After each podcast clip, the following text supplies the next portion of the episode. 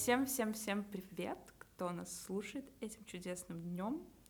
И сегодня у нас тема культура согласия. Если вы ничего не знаете про этот термин, мы вам расскажем. Мы — это я, Марня Вишневская, и моя дорогая коллежанка Дарья Гордейчик. И еще наша одна прекрасная коллежанка Тони Лажден, которая немножко сейчас расскажет о себе. Всем привет, меня зовут Тони Лаштон, мои местоимения он и она. Я небинарная квир-активистка, и сегодня я здесь еще в своей идентичности доминатрix. Ты человек, яким я заўсёды хотела быть.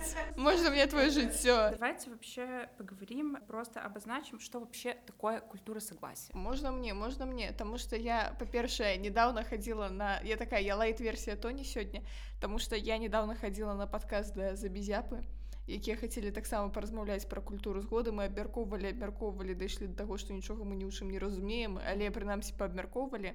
І па-другое я літаральна вырасла на пабліках укантакце пра ўсякія бдсмныя рэчы. Что на чым выраслі ў ваши выросла на паблік вконтакте поставь клас если ты сова. Ну вось у мяне было тое ж самае у мяне як бы пастаў клас калі ты дамінатрыкс але пры гэтым робіш мяне свайму ніжняму і табе норм. Ну там гэта рэальна складаныя этычныя пытанні такое кшталту падымаліся і я заўсёды хацела быць але ніколі не была таму я такая я кажу я лайт-версія тоні Так что такое культура согласия? Отличница ты наш Слухай я такая выдатніца якая прочытала толькі уступную частку і такая я вам зараз распавяду у надзеі просто на то что я скажусь. Ну я бачу бачу что ты ведаешься да и так я бачу что ты ведаешь давай тони нам скажем в двух словах Во-первых, важно понимать, что культура согласия, она вообще к БДСМ сообществам, ну, имеет большое отношение, но не обязательно с ними связана. И в целом это некоторый такой набор а, правил и договоренностей, которые мы соблюдаем, когда занимаемся сексом и разными сексуальными практиками друг с другом. И э, это про то, что мы всегда спрашиваем активного согласия нашего партнера или партнерки при сексуальных взаимодействиях и уважаем это, собственно, активное согласие. Я сегодня буду, знаете, адвокат дьявола, а я буду ангелочком. В этом помещении сейчас три стула. Я сижу посередине, с двух боков меня сидят э, прекрасный доминантрикс, а я просто прекрасная любительница ванила секс. Типа, вот я ангелочек вот здесь такой сижу. Вот у меня еще такая лавандовая кофточка. Такая, а музыки. Вот. Якраз наконт гэтай самой згоды якую мы так і не вызначылі давайте ўсё ж таки вызначым что ж такое актыўная згода там что згода калі ты просто кажаш так актыўная гэта як вот для меня активное согласие это когда ты на что-то соглашаешься в полной мере понимая какие у этого потенциально могут быть риски и вот активность для меня она проявляется в том что ты такая типа подумала взвесила за против и дальше высказалась хочешь ты в этом участвовать или не хочешь вот и для меня активность она проявляется именно в том что человек в принципе осведомлена о том, что будет происходить, в каком формате, и соглашается в этом принимать участие. Вот, мне кажется, что, ну, как бы на словах это может звучать хорошо, а на деле, когда, не знаю, вы там в пылу какого-то просто страстного секса, все летит во все стороны, какое же здесь может быть активное согласие, если мы тут в полумомента, але мне падаецца вельмі важна ўсё роўна ведаць что про згоду трэба размаўляць хотя бы калісьці если вы очень сильно переживаете что в момент страсти вам будет недосогласие есть абсолютно прекрасная сексуальная практика секстинга, где вы обсуждаете до этого, типа, а вот я хочу, чтобы происходило такое, у вас происходит мощнейший какой-то флирт, секстинг, вы обменялись какими-то сценариями, дали друг другу согласие, что, типа, да, я готова, чтобы такое происходило, или наоборот, я не готова, для меня это чересчур, и дальше, когда уже что-то происходит, вы как бы вдвоем в курсе, что, а вот оно будет так. И важно для меня, например, понимать, что в процессе вообще ощущения могут поменяться, типа, в моей голове это был какой-то лучшая сексуальная фантазия, фантазия, которую я там себе придумал, а в моменте я такой, ну как-то на троечку. И вот для меня активное согласие это про то, что в любой момент можно сказать, типа, а вы зараз мы зупыняемся, потому что, ну все, я больше не хочу гэтым займацца. Іншы бок у гэтай сітуацыі не прымушае мяне працягваць удзельнічаць у гэтай практыкі ці ў гэтым сексе ці ў гэтым не ведаю там романтычных адносінах ці чымсьці што адбываецца Секстинг крутая тэма але таксама мне падаецца важна дамовіцца на папярэдне што зараз мы просто перапісваемся і мы не імкнемся гэта ўсё рэалізоўваць у жыцці ці літаральна мы абмяркоўваем што мы будзем рэалізоўваць у жыцці таму што ад часу да часу можа быць паразважаць пра секс у траіх у пяцярых у дзесяцярых мне цікава але займацца я гэтым не хочу бывает и такое но мне еще кажется что это такой момент что не хочется указывать ни на кого пальцем но есть такие люди которые на словах рассказывают как они пять часов подряд будут, значит, все возможные практики делать, а потом при встрече они такие, типа, 15 минут, и все, и веселье закончилось. 15? Вот. Тебе еще по Да, ну, мне кажется, высокая планка 15 минут. Вот, но мне падаецца, что да, гэта вельмі важна, і калі вы абмяркоўваеце нейкія фантазіі, ну, быць рэалістычнымі. Гэта вы зараз абмяркоўваеце сцэнар нейкага романтычнага ці сексуальнага ўзаемадзеяння, які адбудзецца потым, ці гэта, ну, просто такая кшталту фантазія, якую вы вось просто абмеркавалі і далей па пошли просто пожить. Как вообще понять самой себе, самому себе сказать, что да, я согласна. Вообще, ну это такой вопрос, но я понимаю, что у каждого разного, как вы вообще сами понимаете, что вы, например, готовы. И одно дело это когда, например, уже есть постоянный партнер, и вы знаете, типа, когда вы готовы, когда нет, когда, ну, какое у вас настроение, вы можете понимать с этим человеком. А когда это первый раз, ну, с каким-то новым человеком, как вообще происходит этот процесс? У меня, например, практически не бывает никаких спонтанных контактов. У меня социальная тревожность, которая как бы аккомпанирует э, мою жизнь в любые моменты, и поэтому даже в том числе мои какие-то там тематические или сексуальные взаимодействия, они проходят как бы в компании моей социальной тревожности. Вот. И поэтому для меня, ну, такие ситуации, что, не знаю, вот я вышел куда-то вечером, и вот, ах, какая прекрасная персона, все, персона, давай, у нас тут сейчас с тобой чики-пуки, все сложилось, и мы занялись каким-то божественным полным сексуальным взаимодействием. Такого не происходит практически никогда. І для мяне вельмі важна ну вот штосьці ведаць пра чалавека мець нейкі кантакт нейкую камунікацыю такую больш-менш глыбокую і ў межах гэтага контакта я ўжо там даследую сам сабе напрыклад якія фантазію мяне з'яўляюцца там напрыклад якія жаданні у меня ёсць як я ўвогуле адношусь да гэтага чалавека і за всю свою уже такую взрослую жизнь полную разных сексуальных активностей я поняла что для меня очень важно даваць сабе гэты час подумать, а что я вообще, какие чувства испытываю к этому человеку. В мои подростковые годы, ну, у меня была такая специфическая панк-тусовка, в которой я рос, и в панк-тусовке как бы вообще нет времени на размышления, там все надо быстренько как бы решать. Жесткий тайминг. Да, жесткий тайминг. Живи быстро, умри молодым. Умри молодым. Вот, и мне кажется, что очень много моих каких-то взаимодействий в подростковые годы, оно было оформлено через вот эту призму как постоянной спешки, что типа, ну, надо либо сейчас соглашаться, либо уже потом ничего не произойдет. Либо сейчас мы впрыгнули в эти отношения или там в этот секс, либо а все, а дальше мы умерли. Никаких больше сексов. Но у больш дарослым жыцці для мяне гэта стало відавочным, што насамрэч секс э, не то чтобы он исчерпаем. Ну то бок у меня будзе там не одна, не две, а мабыць 10 ці 100 ці тысячах гэтых магчымасцей секса.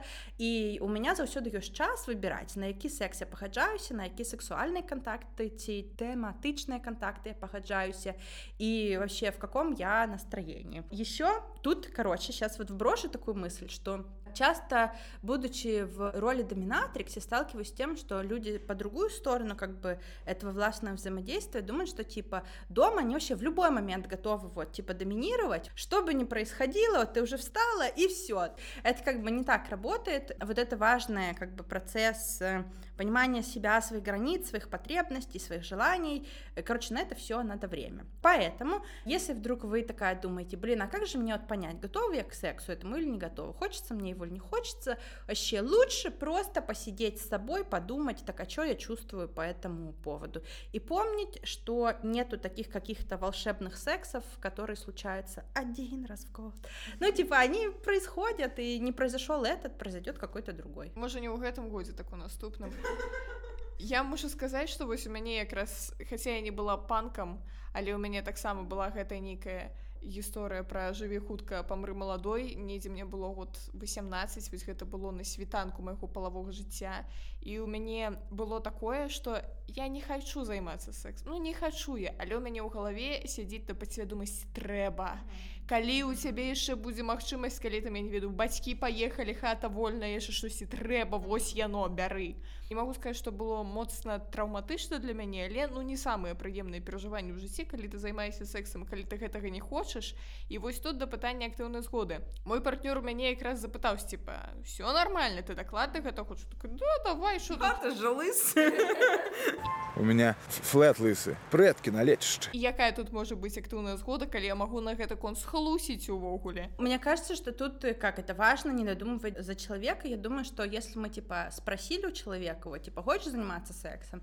и человек нам говорит будучи там в трезвом каком-то рассудке не будучи под воздействием алкоголя или веществ говорит да хочу ну как бы я не могу проникнуть в сознание человека и дальше разгадать там какие-то мыслишки я не Чарльз Ксавье то есть я это принимаю как бы за правду что человек говорит мне правду. Кажется что если у вас есть какие-то отношения у вас есть какой-то задел их строить дальше мне кажется очень важно вот это доверие с друг с другом выстраивать потому что я по себе тоже замечаю я короче вот к этой ситуации релейчусь. В мои вот какие-то такие годы очень бурной молодости, ну, в общем, мне нравился же такой очень богемный образ жизни, в котором было много всего. И вот сейчас такой, типа, старческий момент, когда, да, ну теперь я уже совсем другой человек вообще.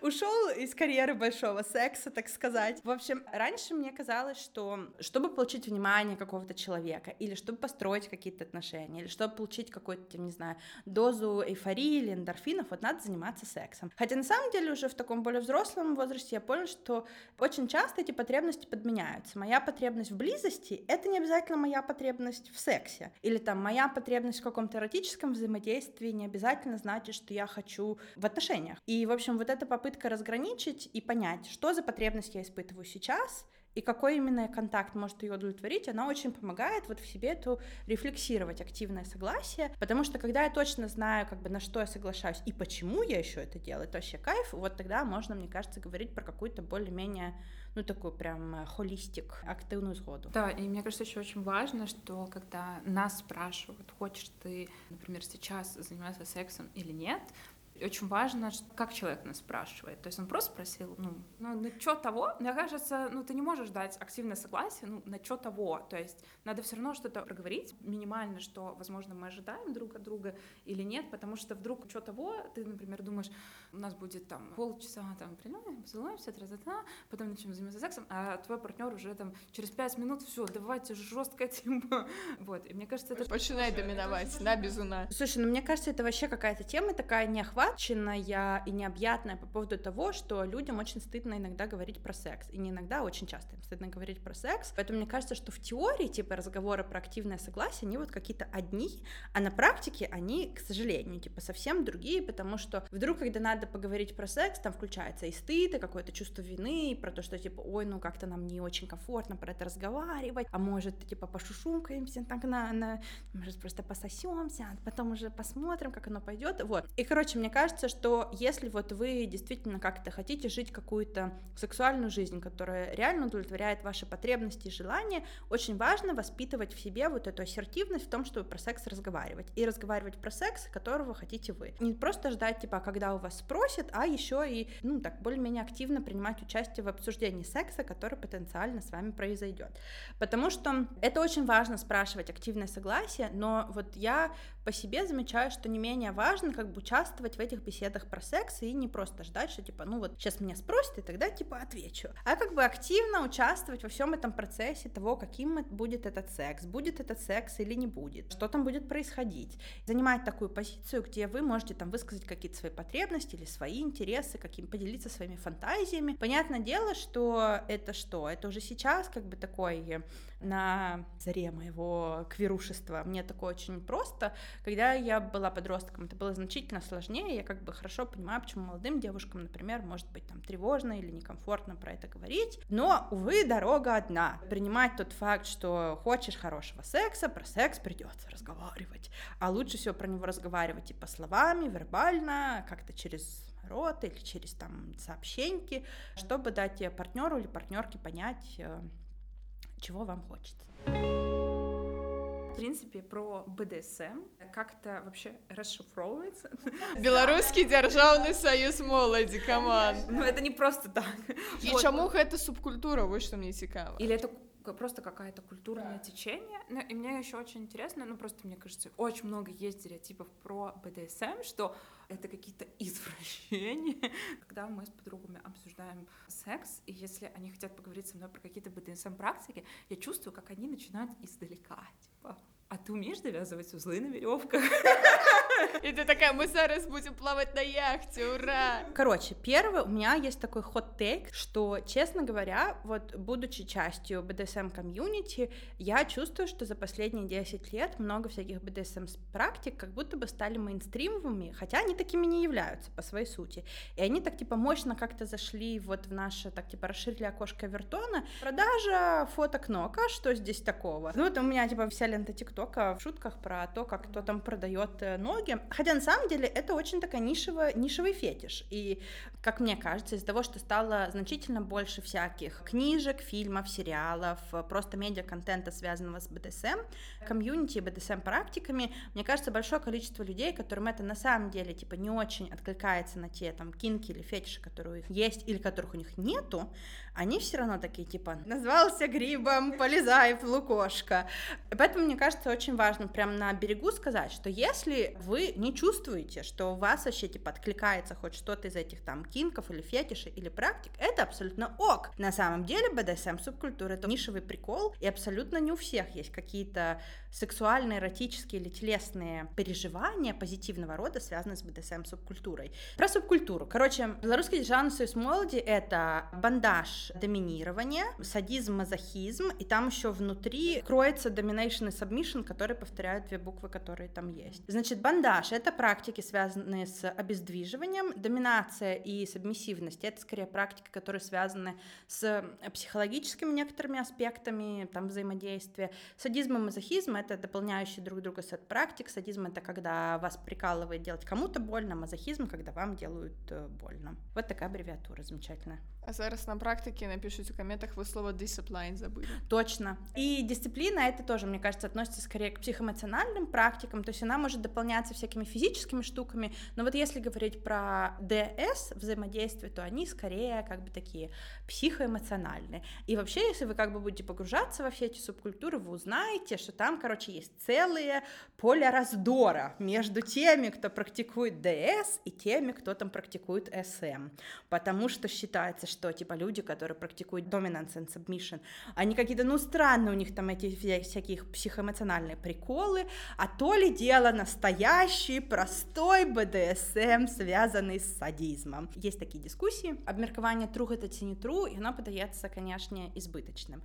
Але што мне падаецца рэальна важным абмяркоўваць гэта тое, якія патрэбы ты плануешь закрывать своими БДСМ практиками. Вот, например, когда мини, для меня это вообще два разных запроса. Когда человек приходит и говорит, что ну вот я хочу, типа, догоняй меня, догоняй. Вот, значит, я буду такой загадочный, недостижимый, достигай меня разными способами. Это один запрос. И совсем другой запрос, когда человек приходит и говорит, типа, ну вот мне нравится, когда мне лицо бьют. Конкретно.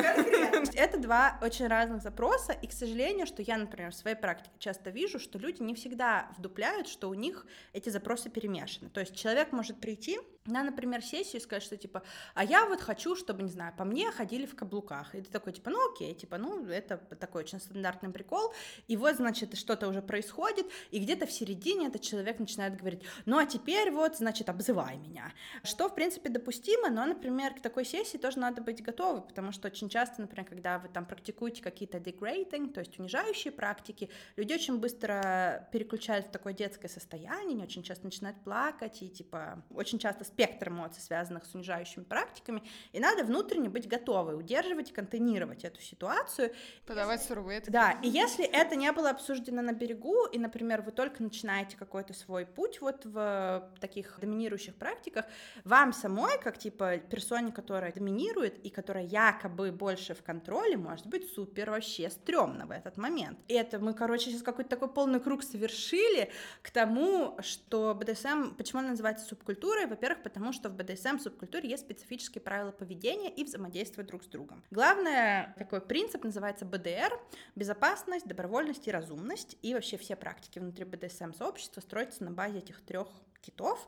Второе, там есть целый свод этических моментов того, как разные люди друг с другом общаются. Потом есть э, свой внешний вид, и там кодекс правил того, как люди одеваются, и почему они одеваются так или нет. Так. Поэтому про БДСМ говорят. Апранаюцца на сессию ці ўвогуле ў жыцці. На сессию ці там на вячорку, ці то на некія прасторы, якія вось непасрэдна для БДСМ практык былі пабудаваны. Раньше мне было бы сложно представить, что там какие-нибудь персонки будут обсуждать, типа, хотят они вот носить ошейник э, как бы в своей э, casual жизни или не хотят. А сейчас это уже такое может быть вот да, вполне да, себе много воп... кто сносит. Вот, вопросе. Я вот с чокером сижу. А вот, а это значит, что ты кому-то принадлежишь вообще-то. Да, ну, э, у всего есть смысл. Это вот возвращается... Я принадлежу капитализму. Я вот, за 4 ну... евро купила его на сайте китайским просто, потому что мне он понравился. И вот если ты как бы находишься в этой субкультуре, ты знаешь, что это за символы, почему он там. Давай мы яшчэ патлумачым вось пра сесію як ты сказала часу да часу да мяне людзі праходзяць запросам просто мне падаецца что шмат у каго дзякуючы фільмам кшталту 50 адценка усяго астатняга адчуванне что бДсм гэта просто сексуальная практыка якую практыкуюць людзі якія знаходзяцца ў стасунках романтычных. А тое что ты опісвала гэта больш падобна на нейкі сервіс ці нешта такое. Гэта розныя накірункі дзейнасці вот это к вопросу про потребности. Значит есть такое ну абсолютно на мой взгляд понятный всем классический классическое взаимодействие что вот вы встречаетесь с человеком и вот вот у вас с этим человеком есть какие-то романтические сексуальные отношения, и в рамках ваших сексуальных отношений у вас есть какие-то BDSM практики, какими они бы не были. В идеальном мире, наверное, так это могло бы работать, но, увы, мы живем не в идеальном мире, а в мире, где вы можете быть влюблены в человека, которому вообще совсем не откликается ваш фетиш быть стулом. И вы говорите, посиди на мне, человеку вообще может не откликаться. Не знаю, она один раз попробовала, и ей не вкатило, и как бы, а что? А вы продолжаете, на самом деле, хотеть быть стулом, и что вам делать с этим неосвоенным желанием? И BDSM-сообщество, если так на них широко посмотреть, они на самом деле работают как такие типа низовые группы самоподдержки. У нас у всех есть разные фетиши и кинки, и мы внутри нашей там маленького сообщества пытаемся друг другу помочь в их реализации. По большому счету, когда вы приходите на какую-то такую большую BDSM площадку или там на какую-то вечеринку, чаще всего вы увидите, что есть какие-то сложенные пары, типа там явно видно, что два человека или там три человека или четыре находятся во взаимоотношениях, а есть какие-то типа отдельные мерцающие люди, которые с кем-то взаимодействуют, с кем-то не взаимодействуют. И какая здесь сложность сразу возникает, что, например, если вы участвуете в каких-то BDSM-практиках, они часто связаны ну, с выбросом разных гормонов и разным испытыванием разных эмоций. И, например, часто люди не очень чувствуют эту границу, что мы типа тут пришли позаниматься шибари, посвязывались, ты поплакала на меня, мы, не знаю, пообнимались, произошел момент aftercare, и ты счастливо ушла домой, и это ничего не значило. И у меня нету к тебе никаких, на самом деле, дальнейших обязательств с тобой встречаться или куда-то ходить, или иметь с тобой какие-то сексуальные отношения, потому что очень часто для людей это связано. В жизни вообще, если это не проговаривать, то предполагается, что ну раз мы испытали такой какой-то сильный, мощный эмоциональный момент вместе, то это было не просто так гэта спроба размаўляць пра межы размаўляць пра наши патрэбы про то что значыць розныя формы ўзаемадзеяння яна насамрэч для некоторых людзей может быть такой вельмі ну болезненно я бы сказал потому что когда они сталкиваются с тем что эротика не значит секс секс не значит интимность то что с нами что-то происходит вместе это еще не значит что например у тебя есть возможность проникать в мою личную жизнь то что мы сходили на сессию не значит что я хочу чтобы ты был дальше со мной в моей жизни жизни.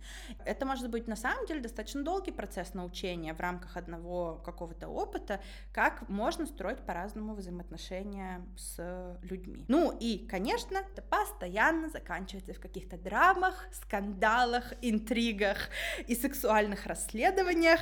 Мне падаецца, што гэта такая утапічная мадэль, да якой мы прагнем, разумець, што за патрэбы у нас ёсць, як мы их з рознымі людзьмі реалізуем.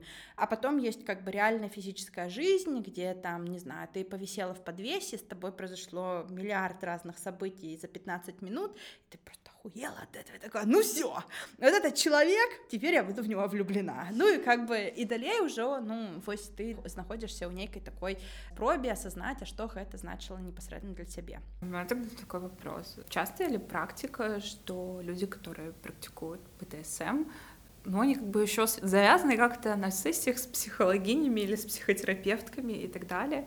И, может быть, есть какие-то специальные, не знаю, консультантки, которые могут помогать решать эти вопросы или нет после Слушай, сессии. Было бы прекрасно, если бы это было так. БДСМ-сообщество, в которое вы, если вы захотите куда-то пойти, оно очень сильно зависит от того, кто те люди, которые это сообщество делают.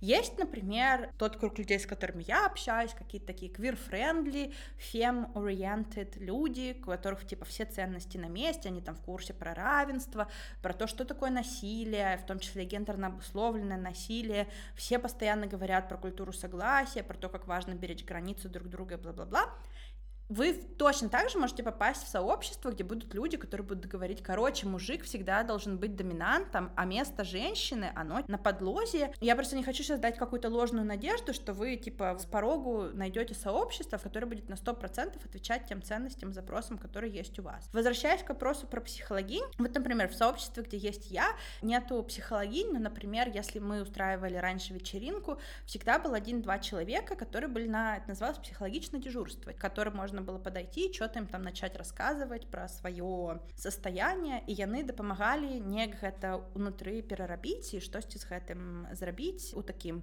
комфортным і бяспечным тэмпе Вот. Но можно нарваться на такие ситуации, когда ну, произошла какая-то очень серьезная садомазохистская сцена, и вы, будучи в зрителях, думаете, типа, вот это пиздец сейчас с людьми произошел. И думаете, ну, хорошо, что сейчас будет, типа, aftercare, когда про человека позаботиться, произойдет как бы выход из сессии, чтобы человек понял, что все, взаимодействие закончилось, и можно возвращаться к обычной жизни. А такого не происходит. И ты такой, типа, друзья, так нарушаются же все ценности, ради которых мы здесь с вами собрались.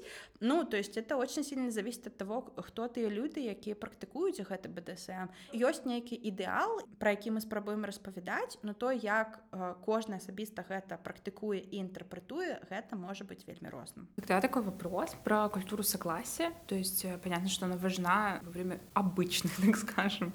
То что как бы наше общество больше принимает вот эти ванила секс, сексуальные практики. Ну, это вот, ну, это вот это мои наши. И есть еще БДСМ практики, в них культура согласия. Как там работает культура согласия? То есть она на том же базовом уровне, ну, типа мы спрашиваем друг друга, тебе это хочется, да, нет? Или есть еще какие-то дополнительные элементы защиты, я не знаю, как это сказать. Дополнительных элементов защиты куча. Значит, я расскажу, наверное, как вот, например, строились сессии раньше у меня. Сейчас я сколько? Шесть месяцев ушел вот с арены большого секса, и поэтому у меня, типа, перерыв. Возвращаюсь к БДР ценности, типа безопасности, добровольности и разумности. В любой сессии, которая бы с вами не происходила, будь то сессия с вашим романтическим партнером или просто как бы с какой-то внешним человеком, очень важно отдавать себе отчет, что безопасность, добровольность и разумность значит много всего сразу. Безопасность заключается в том, что мы внутри сессии стараемся сделать сессию максимально безопасной. Это значит, что мы осознанно не допускаем практик, которые бы могли бы вам навредить. Типа, вот не знаю, вот вы висите в подвесе головой вниз, и я, например, могла бы там надавить на вас каким-то образом, у вас бы случилось кровоизлияние в мозг, вы умерли все. Этого я стараюсь не делать. Вопрос разумности, который заключается в том, что мы изначально на берегу оговариваем, какими практиками мы будем пользоваться, чтобы исключить экстремальные виды практик. И разумность подразумевает то, что мы с вами, обсуждая в диалоге, типа, а чего хочется, а чего не хочется, выбираем некоторый спектр того, что потенциально может произойти. И дальше моя задача проинформировать вас, какие у гэтага есть рызыкі. Потому что, например, ну, не ведаю, вось выглядели только фильмы 50 оттенков серого, серого і чыталі не ведаю тры веб-комікса про бДсм і вось вы прыйшлі на сессию і зараз вы такі типа ну я там хочу значит порку шибари потом еще пусть воском на меня накапают и гвозди повставляют и я вам говорю дружище значит во-первых это все невозможно в совокупности зрабіць по-другое мне моя насамрэч может быть ответственность рассказать вам какие есть риски у этого например шибари то есть вот обвязывание веревками очень такой мне кажется визуально эффектный способ времяпрепровождения, у которого есть очень много рисков, связанных с телесностью. У вас может отняться рука, у вас может на самом деле защемить вам нерв так, что никогда больше не расщемит, у вас может случиться кровоизлияние, у вас может отказать некоторые мышцы в теле. То есть на самом деле в зависимости от того, какой тип взаимодействия мы выбираем, это моя ответственность рассказать вам, что вот вообще-то это возможно. И дальше вы взвешивайте, насколько вы готовы этот риск на себя принимать. И вот поэтому, когда мы это обсуждаем, это никогда не так, что я вам говорю, что типа, ну, будет происходить вот такое, и вы типа молча согласились. Вот здесь типа принцип активного согласия в том, как я расповела вам весь контекст практики, а вы такие типа, ну, да или нет. И добровольность подразумевает то, что в момент нашей сессии не происходит каких-то практик, на которые вы не давали своего согласия. То есть даже если вдруг я в какой-то момент подумала, ну вот сейчас прикольно было бы сделать это, я все равно буду об этом спрашивать. Типа, я хочу сейчас сделать вот это. Типа, будет так ок или не ок. Вот все эти штуки там про стоп-слова. Стоп-слово — это очень серьезное правило внутри как бы любой BDSM-практики, что как только вы говорите, например, вы договорились со своим мастером, там, со своей доминой о каком-то стоп-слове, это значит, что взаимодействие должно мгновенно прекратиться. Это не значит, что надо теперь ждать 10 минут или спрашивать, не, ну может ты типа подумай, а то вот, значит, мы тут делали обвяз 15 минут, и что, теперь все разрушать? Я могу очень много физически физически болезненное взаимодействие вытерпеть, но в какой-то момент, например, если этого все было слишком-слишком много, у меня может начаться сенсорная перегрузка. И если она у меня началась, на самом деле наше время до того, как меня полностью переклинит, его очень мало. И поэтому то, что мастер точно знает, что, например, если я не даю ответа в какой-то момент, или если я говорю там какую-то фразу, или делаю какой-то жест, потому что иногда, например, там у вас может быть рот заклеен, и он тут же это прекращает, это очень важный элемент доверия друг к другу. Все, что бы ни происходило, может быть остановлено, если я чувствую, что я больше не готова принимать участие в этом. И это, мне кажется, вообще самая важная вещь, которую можно просто в любое сексуальное взаимодействие типа себе забрать, что на самом деле в любой момент вы можете отозвать свое согласие, а другая сторона вообще-то должна считаться с этим, и если она не считается с этим, происходит насилие. Я подумала зараз что увогуле файная гісторыя з усімі гэтымі стоп-словамі можна просто ў любым сексе гэта практыкаваць каб слухай пачакай так вось гэта адсюль дастань а гэта ты просто кажаш такая. Якое стоп-слова давайте мы прыдумаем стоп-слово. Мікрафон микрофон, и все, и все скончивается. Реально, топ-слова, они должны быть какими-то, ну вот, странные. Стереотипно это выглядит так, что у вас должно быть какое-то, типа, дурацкое слово, которое абсолютно никак не применимо, но, на самом деле, главное требование к стоп-слову такое, вы не должны его забыть. То есть, если вы придумали очень сложное стоп-слово, и вы его не употребляете регулярно, у вас есть очень высокий риск его забыть. Если сессия не предполагает какого-то глубокого психологического погружения, то еще есть такая система этого светофора, светофора, красный, желтый, зеленый, и на каждом этапе, например, ты там спрашиваешь, какой цвет, и человек красный, это значит, что мы все заканчиваем. Красный. Э, Желтый значит, что не очень понятно, надо обсудить, что происходит, чтобы куда-то двинуться, а зеленый, что все в порядке, мы продолжаем. Такой мощный вброс, связанный с патриархатом, когда, например, с мужчиной говорят, типа, ну, она хотела, но говорила, что не хотела. И ее надо было поуламывать, и тогда бы все произошло. Такой, типа, насильственный сценарий, но внутри БДСМ взаимодействия некоторые люди прям приходят с таким запросом, что они хотят, чтобы их поуламывали, или там что-то произошло. Вот тогда очень важно на берегу договориться, какое именно жест, выражение, слово значит нет. Потому что внутри игры нет может быть не значить нет. Но важно вам двоим знать, а что значит конец. Потому что, не знаю, человек может сказать, что Значит, я буду таким, типа, непокорным жеребцом, а ты, типа, вот, догоняй меня в лосо, и ты ему говоришь, типа, вот убирай на кухне, они такие, а я не буду, а ты вот заставь, а вот попробуй заставить меня. И ты говоришь, ну вот сейчас я так заставлю, ты заплачешь. И человек такой, ну заставь меня заплакать. Но вам двоим очень важно знать, когда эта игра прекращается, и как бы каково ее условие, что вы остановитесь. У меня такой вопрос. Как вообще могут быть связаны БДСМ и патриархальные практики, и феминистские практики, практики, потому что мне кажется, это очень интересно, особенно когда мужчина доминирует в БДСМ, а женщина подчиняется. Ну, какие у тебя вообще мысли на этот счет? Или наоборот, ну я же ничего не знаю про БДСМ практики, может быть наоборот, все женщины доминируют, ну большинство, например, и вообще нормально так? Ну, блин, вообще в моем опыте мужчины не хотят доминировать. Как связан БДСМ-патриархат? Самым прямым образом.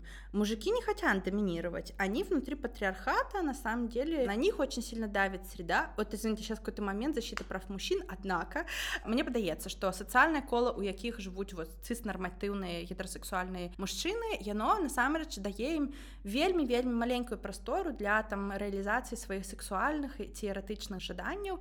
Яны сталкиваются з вельми таким большим стыдом и чувством собственной неполноценности, если они не хотят быть типа альфа-самцами, которым им предлагает быть патриархат. И более того, огромное количество на самом деле сексуальных практик внутри патриархата, оно же очень сильно маргинализовано. Например, анальный секс с мужчиной в принимающей стороне. Это очень типа табуированная практика. А вместе с этим на самом деле ну, тогда вопрос, почему простата находится там, где она находится. Ну, ну давайте будем честны, что очень многим мужчинам, ну, как бы нравится это. Ну. Например, очень много всяких само, типа, унижительных слов, подкаблучник или вот э, все эти вещи, которые связаны с тем, что... Подожди, неужели подкаблучник связан? Однозначно, субмиссивные мужчины — это те, кто имеет такую сильную женскую фигуру, которыми руководит, и слово подкаблучник буквально фиксирует эту властную динамику. Ну вот, в общем, короче, патриархат как бы напрямую ограничивает мужчин, поэтому мужики, если хочется э, сексуальных развлечений разнообразных, то надо свергать патриархат и думать про свои привилегии, быть хорошими союзниками. В БДСМ субкультуре скорее наоборот можно увидеть другие динамики, э, можно увидеть больше женщин в доминирующей позиции, если говорить там про квир людей, там вообще очень всякие прикольные констелляции, почти все, мне кажется, квир люди это свечи какие-нибудь. Это когда ты переключаешься между ролями ролями. И опять-таки, будучи реалистичной, есть люди, которые максимально приседают на этого традиционалистского патриархального коня и говорят, что женщины, они хороши только для того, чтобы быть нижними, и других задач у них нету. Но таких людей мы не уважаем, не прислушиваемся к их мнению, но они есть. Но, слава богу, квир и феминистские практики помогают нам увидеть, что на самом деле в БДСМ может быть в том числе большой компонент сексуальной эмансипации и для женщин, и для квир-персон, шаблоны, можно разные вещи исследовать. Есть еще обычно такой тейк, что типа БДСМ это насилие над женщинами, поэтому если ты занимаешься БДСМ практиками, ты не феминистка. На что я часто отвечаю, что типа я вообще как бы стала феминисткой для того, чтобы эмансипироваться, и если мой феминизм начнет сейчас ограничивать мою сексуальную жизнь, то как бы это не то, к чему я стремился и шел. Вот, поэтому как бы внутри моего какого-то феминистской практики я типа разрешаю себе заниматься сексом и другими эротическими практиками, которые мне приносят удовольствие. Потому что удовольствие — это сопротивление в том мире, в котором мы живем. Даша вот як табе падаецца вось ты як феміністка як для табе гэты бДсм практыкі яны спалучаюцца з тваім феміністкім досведам? Офігительно спалучаюцца. У мяне ў галаве гэта заўсёды так фемінізм асобна сексуальныя практыкі асобна. І у мяне ну ад пачатку першая думка про тое что там твае практыкі яны не звязаныя з тваім статусам з тваёй барацьбой і так далей то бок ты можешь змагацца за эмансіпацыю жанчына потым хацець каб хтосьці над табой падамінаваў гэтым няма нічога такога але паколькі мы тут вызначылі што ёсць некаторае вялікае кола мужчын якія менавіта праз патрыархат не могуць рэалізаваць свае некаторыя патрэбы. І гэта не то што некаторыя патрэбы. Я колькі разоў чула кшталту А як гэта я прапаную сваёй там жонцы ці сталой партнёрцы ці камусьці вось гэтую практыку? Не мне вось вось толькі ісці там кудысьці асобна на асобную сесію то атрымліваецца што гэта ўсё адно звязана карацей у мяне нармальна спалучаецца у некаторых людзей нетармальна спалучаецца я дарэчы заўважала як чувакі усякія якія мастеры зараз усе падумаюць што мастер маргарыта таксама кніжка про бДсм. Не там іншыя кінкі крацей гэта якія мастыс гаспадары яны под свае сексуальныя кінкі спрабуюць подвесці нейкую ідэалагічную базу. Кшталту ну у нас же фізіялагічна заложена у нас там мужчына заўсёды дамінанці нешта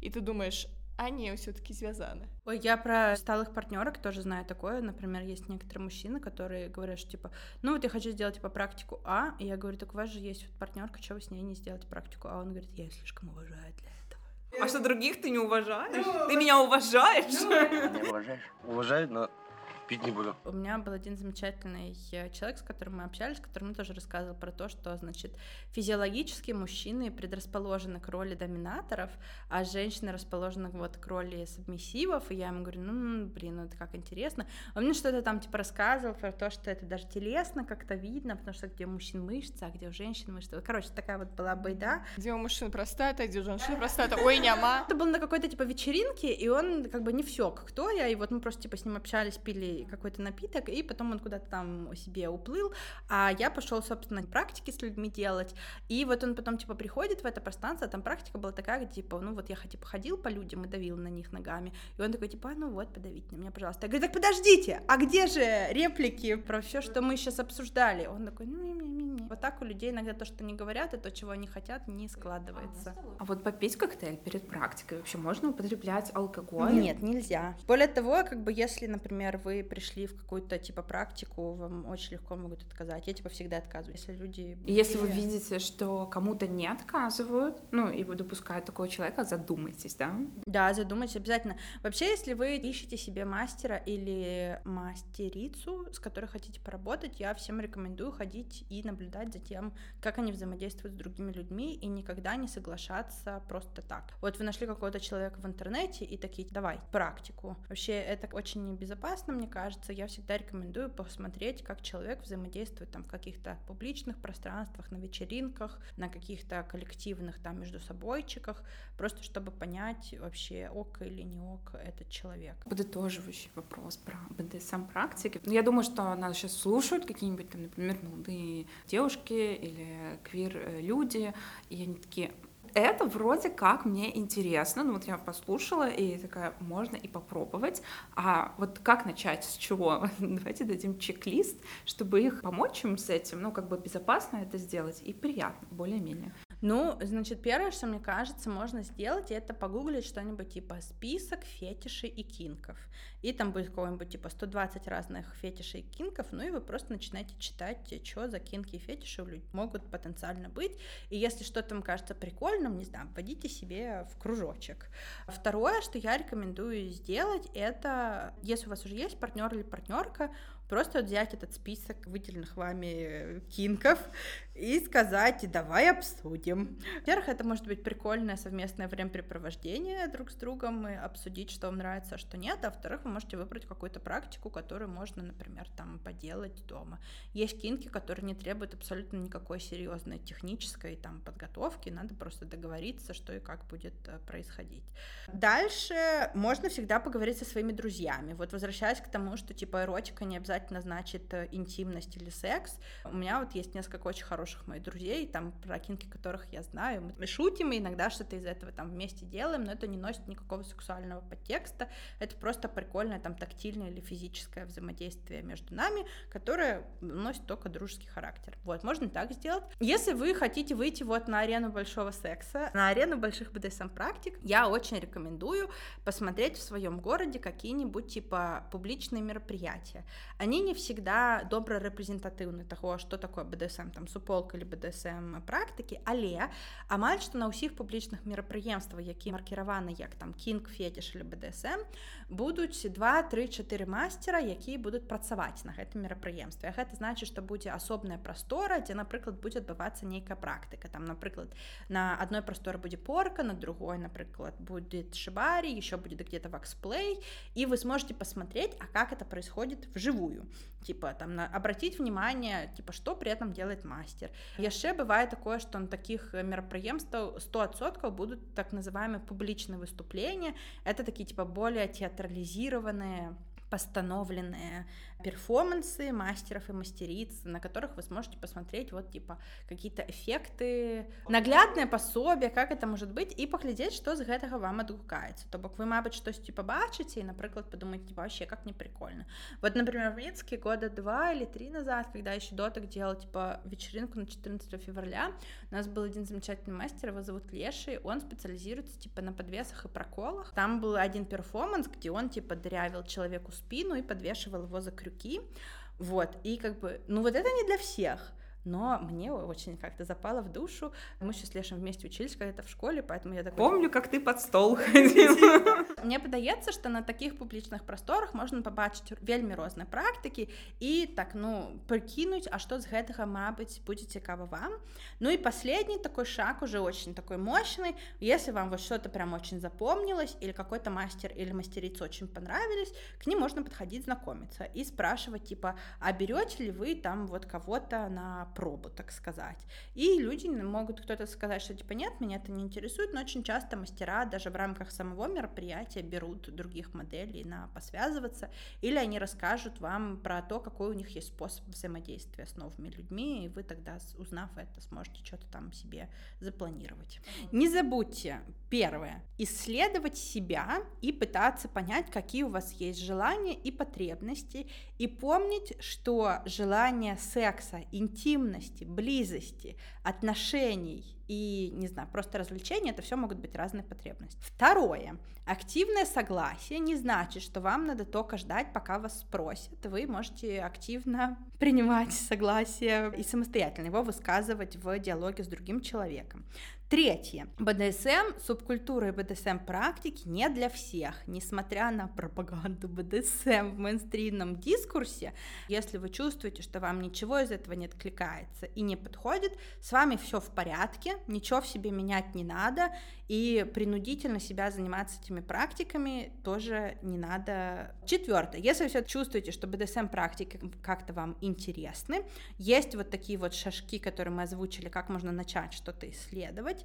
И пятое. Помните, что во всем этом принципиально важна ваша безопасность. Ни на что не надо соглашаться, ни на какие практики, ни на какой секс, ни на какие отношения и другие взаимодействия, если вы чувствуете, что это нарушает вашу телесную автономию и вашу безопасность. Што ж тады трэба сказаць дзякуй шаноўна гаспадарства што вы гэта ўсё паслухалі ставце лайки подписывайтесь на наш подкаст. То не трэба на что-нибудь подписаться? Калі вы штосьці паспрабуйце вось вы паслухали гэты подкаст і калі вы штосьці паспрабуеце з каких-небудзь практык калі вы вырашыце тэгнуць ці меня ці каліжанак і распавесці пра свой досвед гэта будзе супер. Мы будем вельмі зацікаўлены пачуць як увогуле у вас там что прыйшло а Уключэнне з месца монтажа справа ў тым, што напрыканцы мы пачалі разганяць нейкія прышпілы раптам пра зянуна пазняка. Кавалак нашых разгонаў вы можете пачуць на самым напрыканцы пасля джынгу. Таму мы не далі рады запісаць нармальнае развітанне і я просто зараз скажу шаноў гаспадарства, калі ласка, подписывайтеся на гэты падкаст,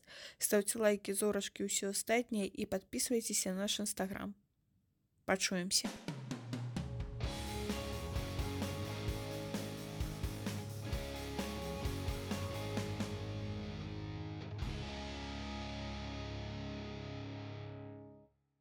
Сексуальная БДСМ фантазия про Зенона Поздняка. Я уверен, что типа правые радикалы белорусские просто только в лед. Они такие типа, да, наконец-то. This is catering to my interest.